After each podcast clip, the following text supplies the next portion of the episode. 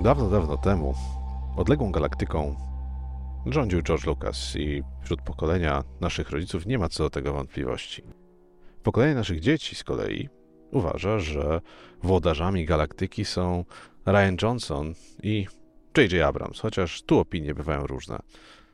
Dla mnie tą osobą panującą nad galaktyką jest niewątpliwie Dave Filoni.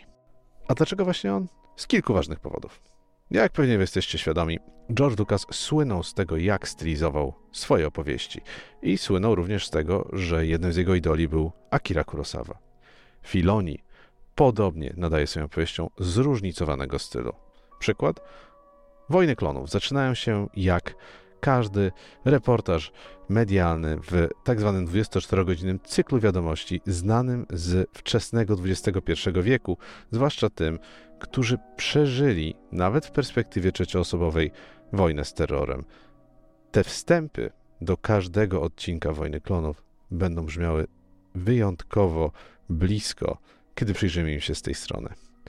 Jakie jeszcze inspiracje ma Filoni? Chociażby spaghetti western, widoczny w pierwszych sezonach jego serialu The Mandalorian. Również The Mandalorian widać ogromną inspirację z Akira Kurosawą, zwłaszcza w odcinku piątym drugiego sezonu, gdzie nasz główny bohater Din Djarin po raz pierwszy poznaje Asokę. Do tego dochodzi klasyczne sci-fi w sezonie trzecim, wybitnie bezpośrednie nawiązania do Terminatora.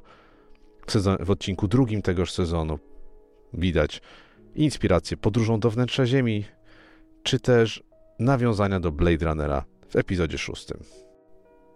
Zresztą nie sposób o Filonim nie mówić, nie wspominając nawet pobieżnie o jego ukochanym dziecku, czyli jak dla mnie Asoce, którą pierwszy raz mieliśmy wątpliwą przyjemność poznać właśnie w trakcie jego debiutu w świecie Gwiezdnych Wojen, czyli Wojny Klonów.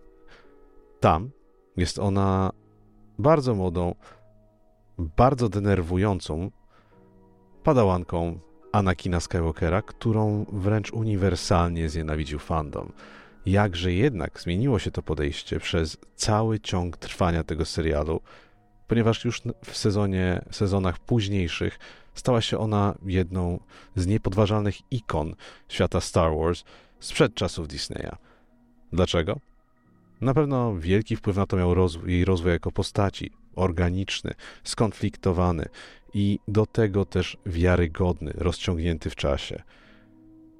Taka perspektywa daje ogromne nadzieje na przyszłość.